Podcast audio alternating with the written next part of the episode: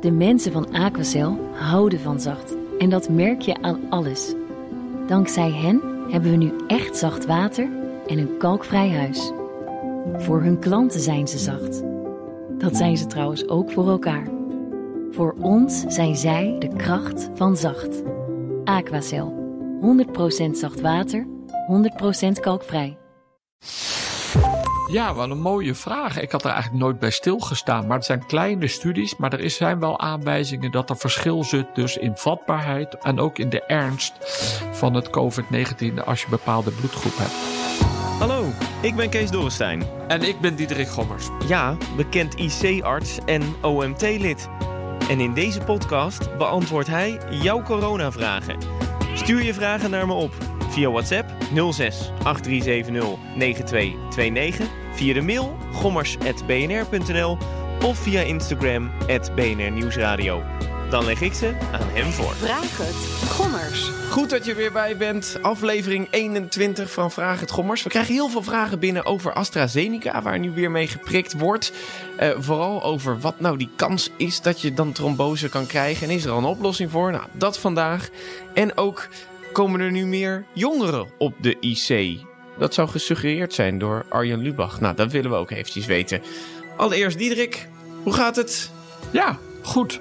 Um, ja, we hebben iets drukkere week deze week. Je ziet het nu dat de ziekenhuisopnames en daarmee ook de IC-opnames afgelopen week weer iets gestegen zitten. We zitten nu ruim boven de 600. Dus nou, tegen de 650 aan met COVID. Maar uh, boven de 1100 nu voor sinds lange tijd voor de totale IC-patiënten.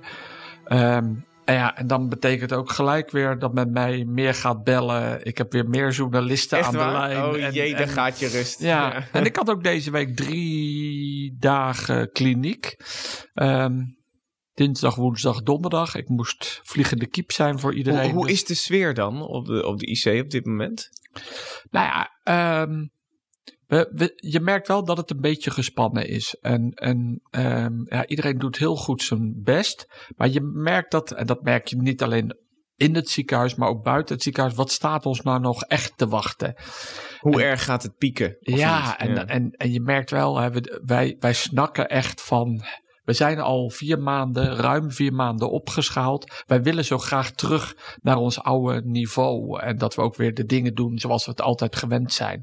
Want hè, bedoel, af en toe gaat er toch soms iets mis of het is heel druk. Wij kunnen niet de zorg leveren die we eigenlijk gewend zijn. En voor sommige mensen ja, gaat dat, dan loopt de spanning er hoog op. En dat merk je wel op de afdeling. Dus vooral nu belangrijk om veel met elkaar te kletsen, veel koffie te drinken, elkaar te helpen. Um, maar daarnaast natuurlijk wel die zorg te leveren. Ja, om de gespannenheid een beetje op niveau te houden. Omdat ja, anders. Ja, uh, ja en gewoon echt al goed op elkaar letten. Um, het gesprek blijven aangaan. Want iedereen ja, doet dat toch op een andere manier. Ja, dat snap ik, hoe, hoe ze dat verwerken inderdaad. Nou, ik heb uh, weer een aantal vragen.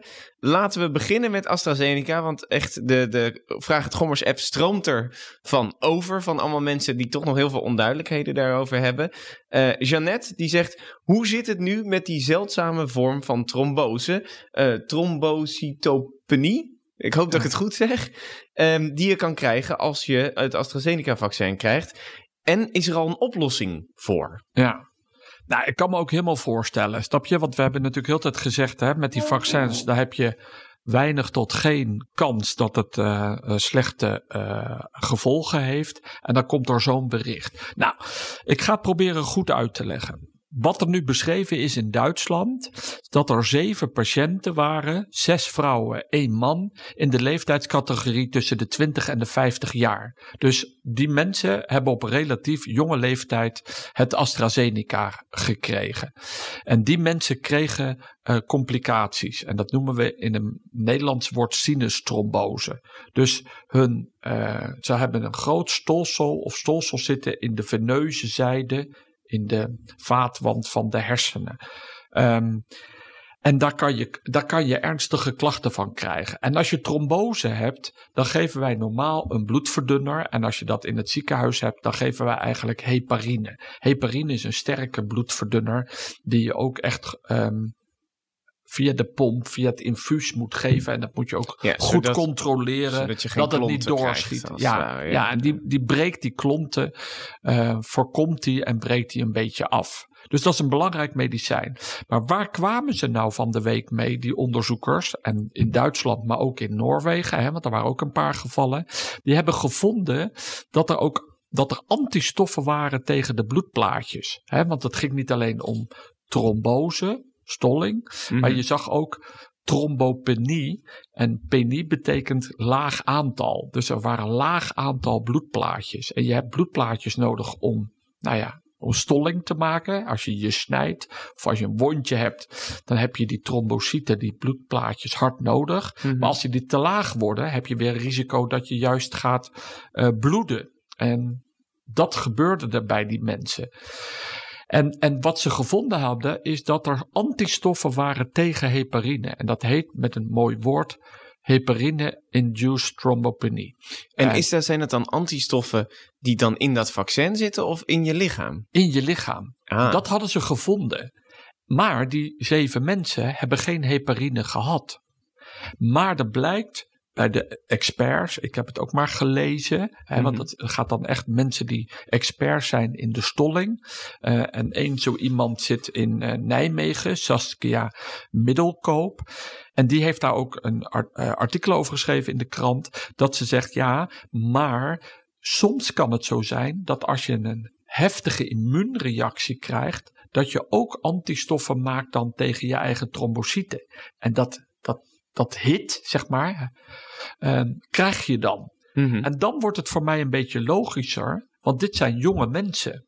20 tot 50. Ja. En we weten dat dit vaccin erg goed werkt. En dus bij ouderen ook al een goede immuunreactie opwekt. Mhm. Terwijl we eigenlijk denken altijd bij ouderen, die hebben een minder goede afweerreactie na een vaccin.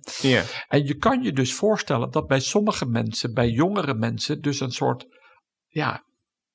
Overreactie geeft. Ja. En dus dat er dus dit ziektebeeld is beschreven. Want het is eigenlijk een, een, ja, een ziektebeeld waarbij je dus die antistoffen tegen je heparine. En Mhm. wat ze dus zeggen, op het moment dat je dat dus signaleert bij die mensen, zijn wij geneigd om heparine te geven, maar dan maak je het alleen maar erger. Dus je Oh. moet een andere bloedverdunner geven als mensen met deze klachten in het ziekenhuis komen. Oké. En dus het is te behandelen. Ehm, moet je er wel op tijd bij zijn. En hoe, Ehm, hoe weet je dat je het hebt dan? Ja, nou ja, dat merk je omdat je neurologische uitval krijgt. Hè? Afhankelijk waar in welke bloedvaten in je hoofd. En je Mhm. krijgt een toename van de hersendruk, een stuwing en daardoor krijg je uitval. Maar sinustrombose, zo heet het ziektebeeld, Mhm. dat komt ook best veel voor. Er hebben 250 nieuwe gevallen per jaar in Nederland. Dat is dus vijf ehm, per week. Mhm. En, door de, en dat is best veel. En als je nou kijkt hoeveel mensen in Duitsland AstraZeneca gehad hebben, waren 1,6 miljoen. En dat betekent eigenlijk dat, dat je eigenlijk twee tot vijf gevallen per miljoen inwoners komt er dus gewoon sinustrombose voor. Mhm. En dan klopt het eigenlijk. Dus je let erop omdat je alles wat te maken wat er gebeurt bij mensen die gevaccineerd zijn, let Ja. je op. Maar het kan zomaar zijn dat dit gewoon de achtergrond is, snap je? Want sinustrombose, ja, een hele ernstige aandoening. Maar dat komt dus voor in onze bevolking. Oh, dus, eh, dus, dus het zit niet in het eh, vaccin. Maar er zijn gewoon mensen die dat hebben. Ja. En dat wordt dan getriggerd door het vaccin. Ja, nou kijk, het komt, hè, het, het komt vooral voor dan bij jonge mensen, eh, sinustrombose, vooral eigenlijk jonge vrouwen. Er is een relatie met pilgebruik. eh, dat gebeurt bij jonge vrouwen, ook bij zwangeren. Mhm. Soms weten we ook niet wat de oorzaak is. Dat het eigenlijk het overgrote deel bij mensen met sinustrombose. Maar het komt redelijk voor. Het zijn nog steeds lage aantallen. Ehm, dus het, het kan een relatie hebben met het vaccin. Hè, als het mogelijk bij jonge mensen een overdreven eh, afweerreactie hebt. Mhm. Maar het kan ook zo zijn dat het toeval is, omdat sinustrombose nou eenmaal voorkomt bij jonge vrouwen, eh, al of niet pilgebruik of bij zwangerschap, zie je gewoon dat je een verhoogde kans hebt op sinustrombose. Ja, de- dat, dat vind ik wel grappig. Want ik zie ook ehm, eh, Gerda, Tom en Wilma. Die sturen dan een appje en die zeggen: waarom hoor je over trombose in combinatie met AstraZeneca en niet in combinatie met de andere vaccins? Ja, kijk, ehm, er komt ook, daar is ook beschreven dat je trombose hebt, maar nu zijn deze gevallen eh, zo duidelijk naar voren gekomen.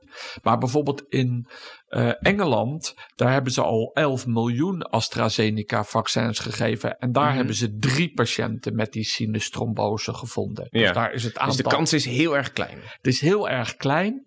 En de vraag is: is het toeval omdat het gewoon die mensen ja, kregen onverklaard sinustrombose? Mhm. Of is het toch dat die gevallen vooral in mensen zijn die jonger zijn, dus Ja. onder de 50 jaar? Ehm, dus dat betekent eigenlijk dat ouderen eh, sowieso al minder kans hebben. om dit- 60-plussers zitten safe. Eigenlijk. ja, die zitten Ja. eigenlijk safe. Kan je uit deze eerste resultaten misschien concluderen? Ja, dan ehm, eh, heb ik één vraag.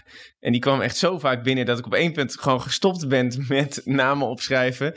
Dus wordt je naam niet genoemd en heb je hem gesteld, weet, hij komt in ieder geval nu voorbij. Want onder andere Leonie, Wilma, Thea, Marga, Trudy, Bets, Rut, eh, Mario, eigenlijk alleen maar vrouwen eh, die, dit vragen. Maar ze zeggen, ik slik bloedverdunners. Is dat gevaarlijk in combinatie met een vaccin? Eh, nee, juist niet eigenlijk. Maar omdat je een prik geeft in de spier van je bovenarm, wordt er wel altijd gevraagd of je bloedverdunners gebruikt. Omdat je natuurlijk je wel kan voorstellen dat, omdat je daarin prikt, ook al is het naaldje heel dun, dat je een hematoom krijgt, hè? een kleine bloeding in de spier. Ja, een bloeduitstorting is dat Ja, een bloeduitstorting. Ehm, en ja, dat is niet gevaarlijk, maar dan willen ze wel graag weten. En dan als je, hè, als je ehm, eh, bij de trombosedienst eh, eh, je, je medicijnen hebt, dan Mhm. kijken ze ook nog het tijdstip dat het misschien verstandiger is op een bepaald moment van de dag dan het vaccin te krijgen. Dus voor het, maar er is geen relatie tussen bloedverdunners en het vaccin zelf, snap Nee. je? Eh, er is geen interactie tussen die Nee, twee. want je hoort natuurlijk over trombose. Daarvoor slik je bloedverdunners. Ja. Dus dan snap ik wel dat je denkt, oh, ik, ik kom in gevaar. Nee, en daarom zijn die medicijnen eh, belangrijk. Maar ook van COVID, ook al eerder besproken in de podcast. Dan heb je ook een verhoogd risico op trombose.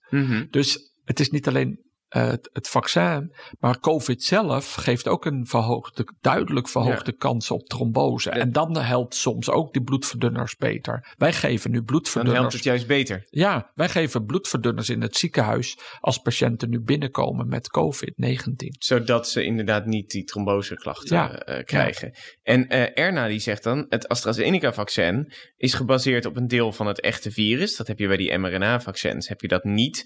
En bij AstraZeneca blijken mensen nu dus tromboseverschijnselen te hebben. Is dat juist niet erg toevallig? Dat, dat, dat, dat heeft het niet met elkaar te maken. Eh, nee, want het vaccin, eh, ze heeft helemaal gelijk. Dus de, het AstraZeneca is een vectorvaccin. En daar zit dus die genetische boodschap zit in een onschuldig eh, virus, het adenovirus, een verkoudheidsvirus. verkoudheidsvirus, hè? Ja. Maar die is zo eh, behandeld dat die niet ziekmakend kan zijn. Ik denk dat er geen relatie is dat het, eh, het ehm, adenovirus zorgt voor die trombose.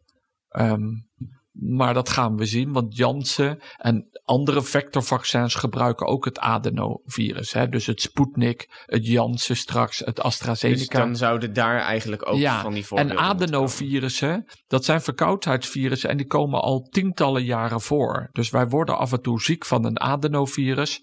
En we hebben daar nooit in het verleden gehoord, tenminste in mij niet bekend, dat we daardoor meer last hadden van eh, trombose. Nee, ik kreeg ook nog een suggestie van een luisteraar die zegt: Moet je dan niet resveratrol slikken eh, om trombose te voorkomen als je dat vaccin hebt gehad?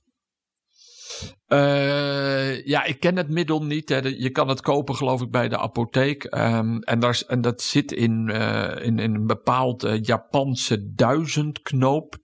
Ik weet niet precies wat het is. Klink- maar klinkt eerder als een bonsaiboom of zo. Ja, of in de schillen van rode eh, druiven. Maar het is eigenlijk een antioxidant, zoals vitamine C. Mhm. En daar is wel geopperd en er is ook wel studies gedaan in China om hoog gedoseerd vitamine C te slikken, om dan als antioxidant voor COVID-19. Maar daar kwam eigenlijk weinig resultaten uit. eh. Oké, nou, dat, is, eh, dat is dan geen oplossing. En dan vragen Alice eh Dinny, eh, Rieke en eh Eri, die vragen dan... ehm, zijn de vaccins getest op hun interactie met andere medicatie?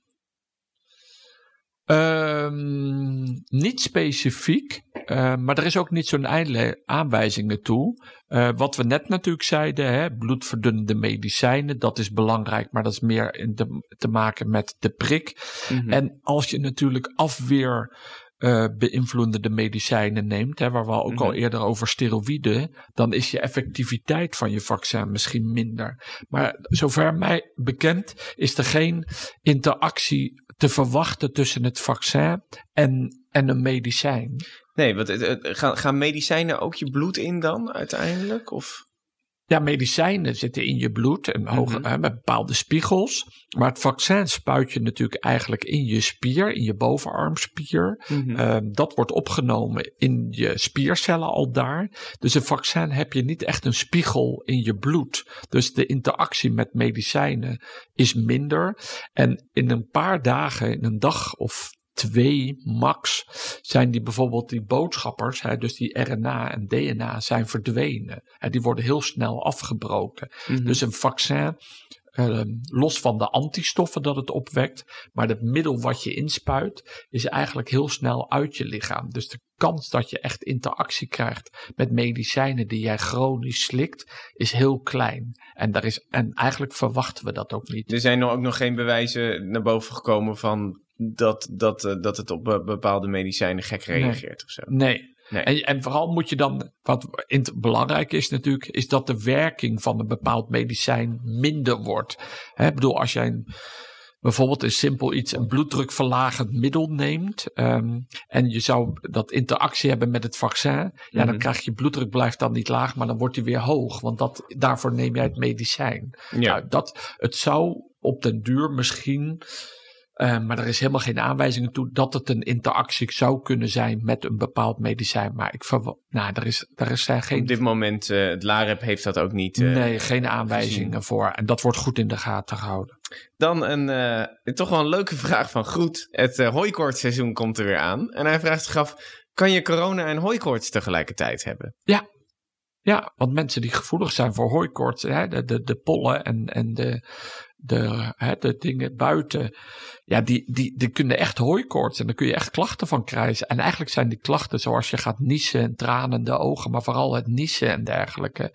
Ja, dat, dat lijkt heel erg op de COVID-klachten, COVID-19-klachten. Dus ja, het is best, ja, dat, dus het kan absoluut hetzelfde zijn. En dat zie je nu ook misschien wel de afgelopen weken. Hè, er werd er veel duidelijk meer getest, maar het aantal positieve testen was laag. Hè, dat was onder de 8%, terwijl het in de tweede golf was dat 12% of hoger. En toen is ook wel eens gezegd, zouden niet meer mensen nu last hebben van hooikoorts en daarom zich laten testen en dan blijkt je niet PCR positief. Ja. Dus dan heb je wel COVID-achtige klachten, maar je bent niet positief. Dus dat zou kunnen komen door de hooikoorts, wat nu Dus weer dat- opspeelt die- die in het testen, voorjaar.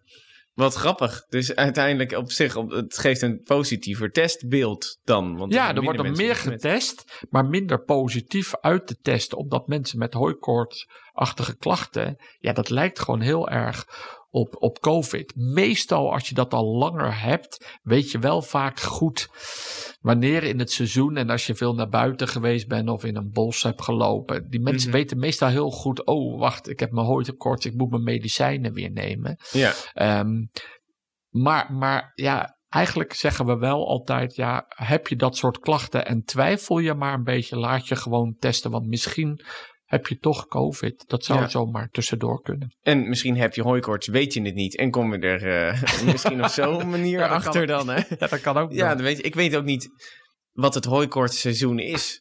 Ik, Het voorjaar, dus als dus dat is nu wel ja, zo'n beetje. Ja, heb je wel het meeste last van. Ja, want het- op het moment dat we deze uitzenden, zou het 20 graden kunnen zijn op bepaalde plekken. Lastig dat het in ieder geval weer warmer wordt eh, het komend oké. weekend.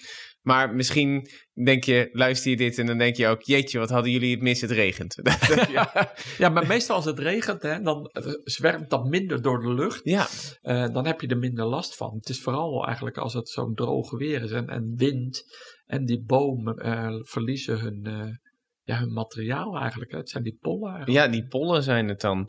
Ehm, Carla die zegt: Als je binnenkort een operatie hebt, is het dan verstandig om eh, een vaccin te nemen op het moment dat je dan een uitnodiging hebt eh, gekregen? Moet je dan zeggen: eh, wacht heel even, eerst de operatie doen? Of juist ver voor de operatie?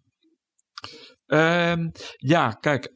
ehm, als je zegt van luister eens, ik moet narcose krijgen voor de operatie. Dan zeggen ze eigenlijk, je moet minimaal het vaccin twee dagen voor je narcose. Maar eigenlijk zou het beter zijn om het ietsje eerder te doen.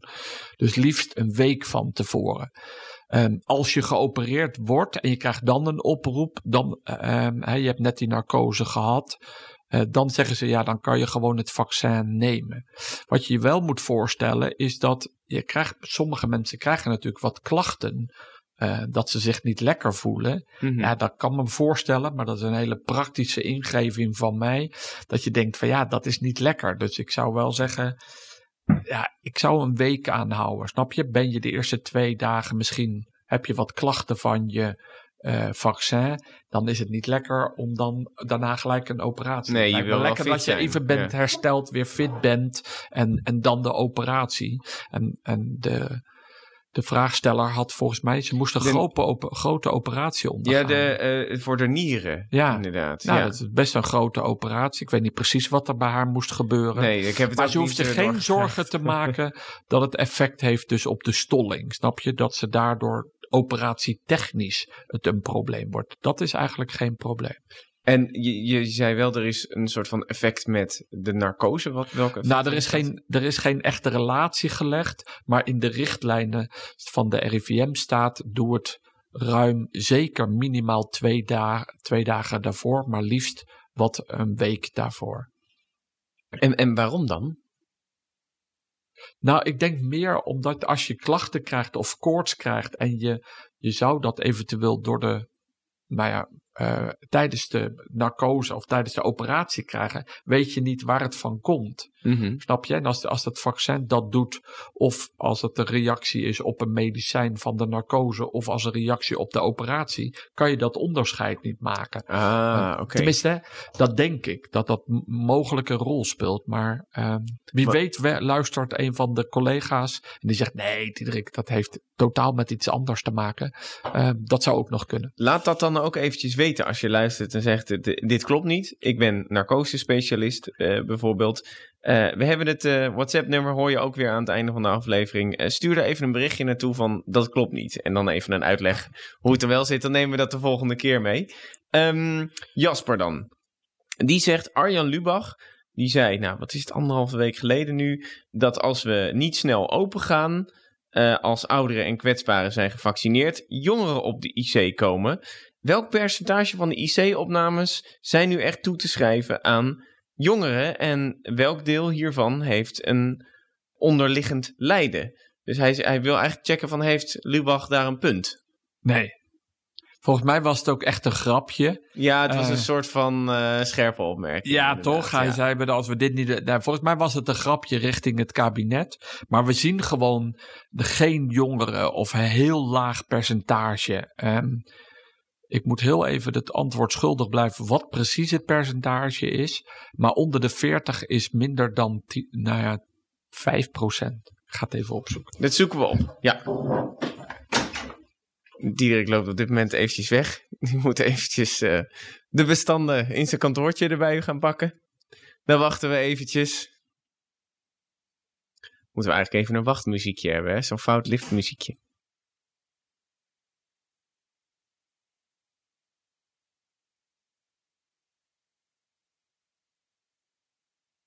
Kijk, daar is hij weer. Ik haal even een NICE-rapport erbij. Hè, op de stichting NICE, N-I-C-E, is een site waar, je, waar iedereen op kan. En daar staat alle data van COVID en de intensive cares. Eh, en die schrijven ook iedere keer een rapport. En ik heb nu het rapport van begin deze maand. En daar schrijven ze ook een keurige grafiek over leeftijd. Eh, en dan blijkt dat onder de 40 jaar is 5,7% van de patiënten die tot nu toe op de intensive care gelegen hebben. En daar hebben eh, ongeveer nu 9.500 eh patiënten gelegen. Mhm. En dan 5 procent. Ja, Dat dus is toch 450. 450 eh, jongeren onder de 40 jaar. Dat Ja. is nog geen jongeren onder de 25 jaar, want die is uiterst zeldzaam. Ja, dus is, is, dat, ehm, is dat gedurende de hele coronacrisis Ja. hetzelfde gebleven? Nee, we hebben meer jongeren gezien in de maanden eh, juli, augustus. Toen, toen het vakantieperiode was. Mhm. Toen zagen we de, jonge, de leeftijd iets dalen. En nu zien we weer dat de gemiddelde leeftijd is nu weer eh 65 gemiddeld. Terwijl in de periode, ehm, in de zomermaanden was dat lager. En hoe Ehm, komt dat? Nou, omdat er toen mm, ehm, eh, meer jongeren besmet werden. En toen zakte de leeftijd iets. Maar we zien niet de hele jongere mensen. Maar toen zagen we wel dat de, leeftijd, de gemiddelde leeftijd eh, daalde ehm, in de groep. Oké, nou in ieder geval wat dat betreft... En dan moet je Jasper, gemiddeld, hè, ja. dan moet je gemiddeld denken. Hè, want ik heb nu de getallen weer bij. In maart, april was de gemiddelde leeftijd 63,5. En in juli, augustus was die gemiddeld 60. Oh, dus het is Dus iets, is iets gedaald Ja. omdat er een paar jongeren bij eh, komen. Ja. Maar de echte jongeren onder de 30, ehm, dat zijn toch wel mensen of met een andere ziekte al, of die hebben we een paar gehad die misschien een afweer hebben genetisch in hun afweersysteem. Daar heeft het onderzoek in Nijmegen heeft dat iets naar ja, dus die hebben een, een, probleempje in hun afweersysteem. Ja, ja. ja.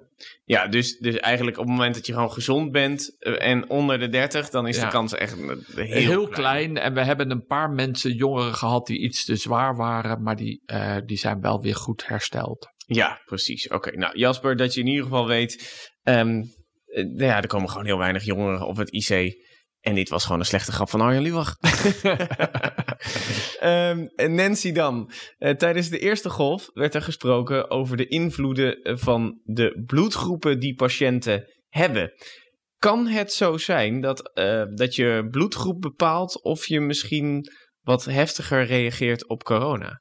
Ja, wel een mooie vraag. Ik had er eigenlijk nooit bij stilgestaan. Maar het blijkt dus dat bloedgroepen, daar reageer je toch anders voor op infectieziekten. Daar is verschil in eh, of je daar vatbaarder voor bent of wel of niet meer symptomen hebt. Eh, dus ik ben het eens gaan opzoeken voor COVID-19. Daar is onderzoek naar gedaan. Er zijn niet heel veel studies verschenen. Maar er zijn een paar studies die laten zien dat je meer vatbaar bent als je bloedgroep A hebt. En wel 23 procent. Nou, dat vond ik best veel. Maar dat betekent, en er was ook in die studie, was wel een soort samenvattende studie, die, hè, die dan verschillende studies een overzicht geeft, dat je bij bloedgroep O heb je weer minder risico. Eh, Oh. 23% lager dat je vatbaar bent. Maar daarnaast heb je ook weer dat je weer ernstige symptomen hebt. De ernst van symptomen is weer meer bij bloedgroep A en AB. Die patiënten lagen langer aan de beademing. Dus ja, voor mij was dat eigenlijk ook wel verwonderlijk. Maar, maar er is dus, het zijn kleine studies, maar er is, zijn wel aanwijzingen dat er verschil zit dus in vatbaarheid en ook in de ernst van het COVID-19 als je bepaalde bloedgroep hebt. Wat grappig. Dus eigenlijk zit je hartstikke goed als je bloedgroep O of bloedgroep B hebt. Want er zijn Ja. vier bloedgroepen, toch? Ja. A, B, Ja. AB en O. Ja, ik vraag me nu af, nu wil ik direct eigenlijk weten welke bloedgroep ik heb. Waar kan je dat vinden? Staat dat ergens opgeschreven? Nee, dat moet je ooit laten testen. eh, maar misschien vroeger als je naar een, dienst moest, kreeg je zo'n papiertje. Ja. ja, ik ben nooit in dienst geweest. Oké, nou ja. Jij wel? Ja, volgens mij heb ik bloedgroep O. Ja, of als je geopereerd wordt, Ja, dan, dan, weet wordt, je ook het. altijd, dan wordt ook altijd je bloedgroep bepaald. Dat klopt, ja, inderdaad. In, je hebt een jaar in dienst gezeten. Nee, ik heb niet in dienst gezeten. Nee? Maar volgens mij, ik ben, wel ge- ik ben wel opgeroepen toen en ben getest toen. En te-. Lange tijd Maar geleden. ze vonden je niet geschikt genoeg om het land te verdedigen? Nee, of... nee, ik deed toen onderzoek, dus ik ben eh, afgekeurd voor diensten. Oh, omdat je dan door moest met je, met ja, nee, ja, en ik heb, ik bedoel, eh, een heel lang verhaal, maar ik, ik vond het zo belangrijk om mijn onderzoek af te, af te maken. Dat ging toen over longziekte. Dat deed ik hier op het experimentele lab. Ehm, en toen ben ik eh, afgekeurd door de psychiater, want eh, hij zei, ja, je bent monomaan voor surfactant. Dat is dat stofje wat in je longen zit om eh, makkelijk te ademen. Dus Hij vond me niet geschikt voor het leger. Je, je, je ademde niet makkelijk genoeg. dat is dan toch grappig. En vervolgens zit je bij de talkshows om juist over een ziekte wat heel erg met ademen te maken heeft Ja. te, te vertellen. dat is dan toch wel weer hartstikke mooi. Ehm, ik heb nog een laatste vraag van Mirjam. En eh, zij zegt: Ik wil graag piano spelen op een vaccinatielocatie. Kan dat mensen opvrolijken? Ja, en dat is best wel mooi. We doen ook nu echt onderzoek met muziek eh, rond de operaties. En het blijkt nu, er komen de eerste studies en er worden ook hier in het Erasmus gedaan, dat als je muziek geeft op een koptelefoon voor de operaties en nou, ook wel tijdens de operatie, ook al slaap je, dat je dan bijvoorbeeld minder pijnstillers nodig hebt. Dus muziek doet daadwerkelijk iets. En we zijn nu ook met muziek gestart eh, op de intensive care. En daar willen we ook kijken of mensen minder klachten hebben. Hè? Want op de IC worden een groot aantal patiënten worden delirant, maar hebben ook pijnstillers nodig. Wat is delirant? Ja, dat zeg maar dat je een beetje de kluts kwijt bent. Hè? Dat Mhm. je niet meer precies weet welke dag het is, welk jaar waar je bent. Ehm, dus dan heb je een delier, komt veel voor op de intensive care. Aan de ene kant bij ouderen, omdat ze uit hun vertrouwde omgeving. Maar het heeft ook met de ziekte te maken. Oh, een beetje delirium, daar komt het vandaan Ja, in het ja, dat- Engels. Ja, ik ja, ken dus eigenlijk is- alleen maar dat woord. Ja, en dat is het. En, en eh, we zijn nu aan het onderzoeken of muziek, en daar is ook andere intensive cares in Nederland, die doen het zelfs met live muziek. Die, er komt echt eh, eh, ja, muzici de IC op.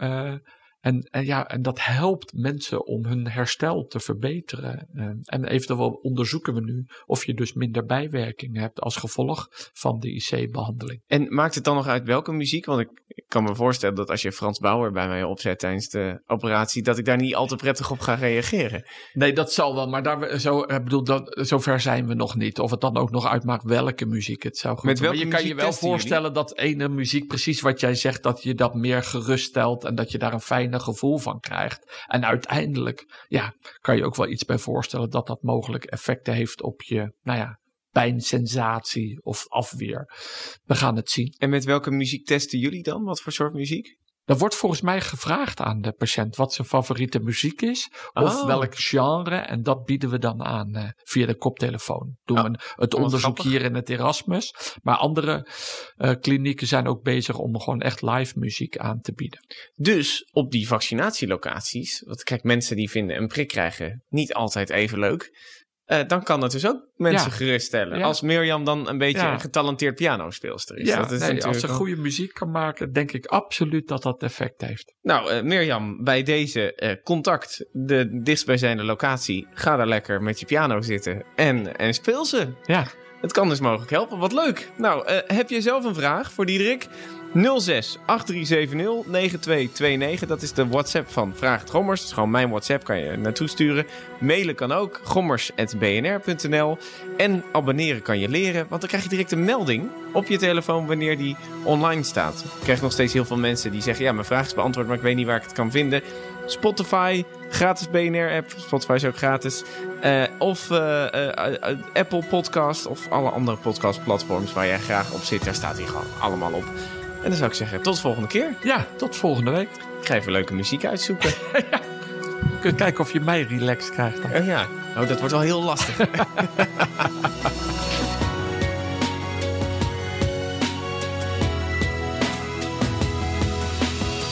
Vraag het.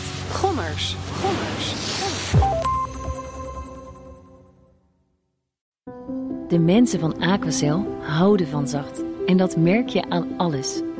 Dankzij hen hebben we nu echt zacht water en een kalkvrij huis. Voor hun klanten zijn ze zacht. Dat zijn ze trouwens ook voor elkaar. Voor ons zijn zij de kracht van zacht. Aquacel. 100% zacht water, 100% kalkvrij.